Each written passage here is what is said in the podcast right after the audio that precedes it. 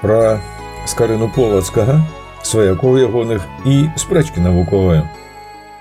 У туманах стагоддзяў шэрых губляюцца асобы рысы, рэальных атрыбутаў шэраг ператвараецца ў абрысы. Прывітанечка, внука, другое лета мы з сябрамі следапытамі робімся.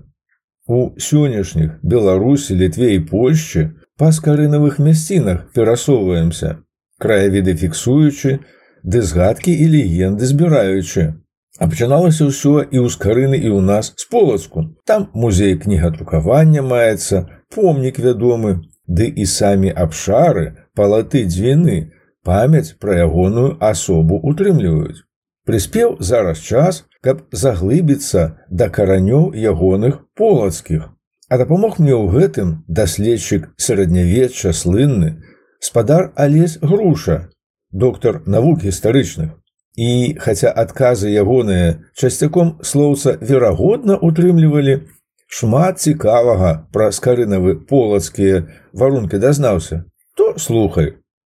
Вітаю спадар алесь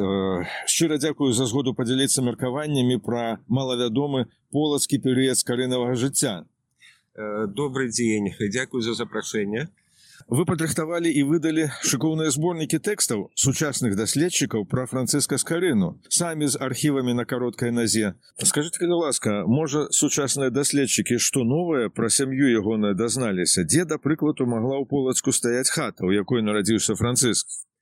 ведаеце знайсці той дом дзе нарадзіўся э, францыска рына дзе ён жыў это моя э, давняя мара. Але на жаль тых фактаў якія маглі б арыентаваць хаця б арыентаваць на место знаходжання яго дома пакуль што не выяўлены. Ось я не ведаю што можа нас зарыентаваць на э, нейкую больш такой абмежаваную прастору пошуках этого дома. Можа нейкія сведчанні крыніць э, напрыклад а месца знаходжання дамоў двароў сваяк мастакоў з карыны нейкія іншыя прамыці ускосныя звесткі может быть нейкія археалагічныя заходкі зразумела мы не знойдзем падчас археалагічных раскопак рэшкі дома з шыльдачкай тут жыў францыск з карына леш нейкія ускосныя дадзены все ж таки змогуць арыентаваць Як вы ставіцеся да таго што менавіта у полацку францыск з карына асновы лаціны ад бернардзінцаў засвайваў каб потым працягнуць на ёй навучацца у Европе ёсць сведчанне сучасніка дарэчы францыска з карыны Яна камароўска які напісаў гісторыю ордена францысканцаў у апошнія гады свайго жыцця гэта 30 гады 16 стагоддзя дзе ён сведчыць што ў 400 1498 годзе быў заставаны бернарынскі кляштар. Ёсць сведчанне прадстаўнікоў Івана третьяга расійскага государа якія сцвярджалі што Александр егелончык пашырае лацінскую лацінскую веру э, устанавливая э, лацінскія башніцы тым ліку полацку і іншых месцах. Напэўна яны мелі на увазе менавіта гэты кляштар. Ось э, я бы звярнуў увагу вось на што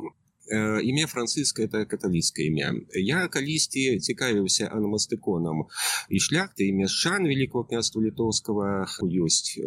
добрая крыніца это так званы попіс э, войска великого княства літоўскага дзе прадстаўлена каля э, десятка тысяч розных імён военнообязанных. Это не толькі шляхта ось гэта і іншыя слугі якія выконвалі военную павіннасць я правда не апублікаваў вынікі свайго даследавання убачыць пэўную заканамернасць у католікаў быў свой набор імён дарэчы былі і любімыя імёны Яны станіслаў у праваслаўных тыя ж імёны але у традыцыйнай форме. Ну калі у католікавых это ян януш янушка то у праваслаўных это Іван Іванка і гэтак далей. Дык вось францыск гэта все ж таки каталіцкае імя гэта даволі рэдкае імя нават для католікаў. Дык вось у гэтым попісе змешчана каля десятка імён францішко фронко фронцко ну, гэта значит імя францыск ось. Каля десятка. Гэта не шмат прычым гэтыя імёны сустракаюцца у тых рэгіёнах великого княства літоўска где кампактна пражывала каталіцкае насельніцтва гэта уласна літва гэта жамойць і падляшша так вось францыск з карына хутчэй за ўсё палачанин потому что вядомы звесткі про деда ці прадзеда францыйская ён называўся грыткам грытка з карына купец які гандляваў з рыгай гандляваў мёдам дзіця хутчэй за ўсё было хрошчана ў праваслаўную веру. Але потым хутчэй за ўсё малады юнак прыняў іншае веравызнанне і з гэтым веравызнаннем і імя францыска хутчэй за ўсё шляхі вядуць да бернардынаў тым больш тут такая відавочная паралель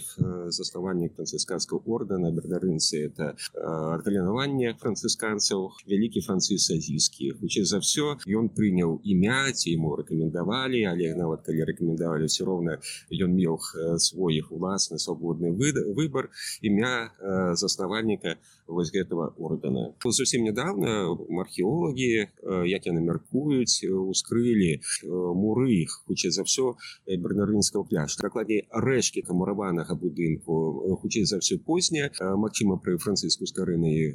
будынкі былі дарабляны тым не менш гэтае адкрыццё могуць лакалізаваць той іх манастыр які які рашуче паўплываў на канчатковы выбор францыйскай скарыны дарэчы падчас мінулагодняй экспедыцыі мы былі літаральна на месцы дзе археолагі знайшлі э, рэшткі забудовы про якую вы кажаце вось яшчэ я что хочу спадарались у вас запытацца вядома что францыск карына некалькі разоў вяртаўся ў адзін і той самы еўрапейскі горад ці ў то вільня ці то прага ці то вена познань по розных э,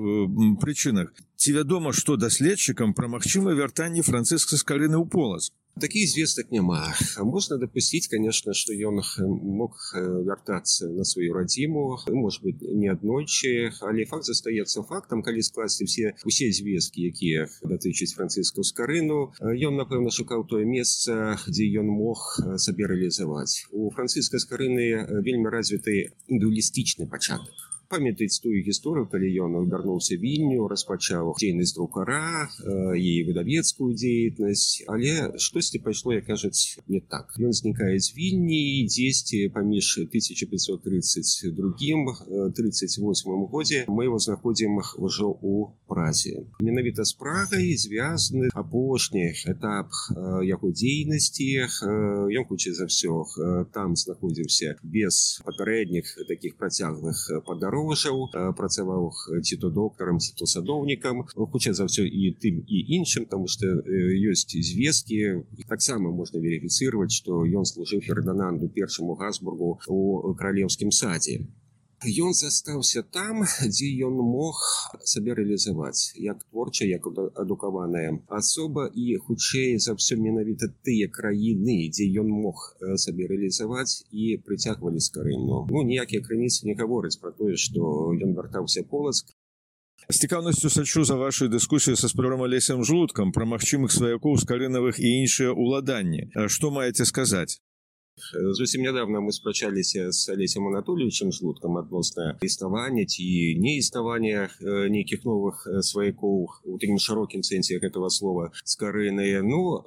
алесь анатольевич на падставе новых дакументаў як пачатку 17 стагоддзя ён высунуў меркаванне што у францыска скарыны мог быць яшчэ адзін брат апрача вядомага брата ивана купца. Ці сам францыск скарыда меў яшчэ аднаго гэта значит трэцяга сына. Мы з ім паспрачаліся на старонках апошняго выдання якое падрыхтаваў я маецца на увазе зборнік дакументаў але алесь анатольевич меня не пераканаў там целая гісторыя адносна того дзе маглі жыць сваякі францыска скарыны згадваюцца пэўныя асобы якія спадкаемілі зямельна ўладанне яго брата. Это не простае ўладанне яго брата. Згодна з адной крыніцай. У гэтых уладаннях была частка францыска скарыны дык вось частка ўладання ў дворышчы знаходзіліся ў замку але былі нейкія маёнкі. Маёнкі дарэчы маглі знаходзіцца не толькі на тэрыторыі полацка там ёсць такі населены пункт сяло якое ну, існуе сёння у крыніцах яно названо тройдзвічы цяпер гэта тродавіч расонского района віцебской вобласці на цалкам верагодна что францыска рына мог нарадзіцца не самім полацку ён мог нарадзіцца і за межамі полацкого ва ўладаннях полацкіх мяшчан тым не менш ён заставаўся быць палачанінам потому что палачане это не только мяшчане полацка для іх это нейкія адміністрацыйныя это судовы это нейкі культурны цэнтр але ўладанне і шляхты і мяшчанах знаходзяць не толькі в самім полацку але за межамі полацка дарэчы у рамках дыскусіі алесь анатольевич прыводзіць один факт які на самой справе дзейнічае на маю карысць ён піша что напрыклад там згадваецца есть каскарына які меў уладанні у у вялікім пасаце А вось маўляў ейска степанович якое насамляю со сваяком с карыны ён маўляў меў нейкія вясковыя ўладанні ў гэтых тройдзвічах на самой справе вось гэтыя уладанні якія заходзілі па-за межамі полацка гэта земскія ўладанні з гэтых земскіх уладанняў мяшчане полацкія выконвалі самую галоўную павіннасць вялікім княству літоўскі якой з'яўлялася военная павіннасць дарэчы дзякуючы вось гэтым уладанням многія полацкія мяшчане былі набілікаваны са змяшчаніны ператварыліся у другой палове 16 пачатку 17 стагоддзя ў шляхту. У мешчаніна нармального такого заможнага мешаніна былі ўладанні і ў самім полацку і па-за полацкам дык вось верагодна што скарына мог нарадзіцца за межамі полацка тым не менш ён пры гэтым заставаўся все роўна палачанінам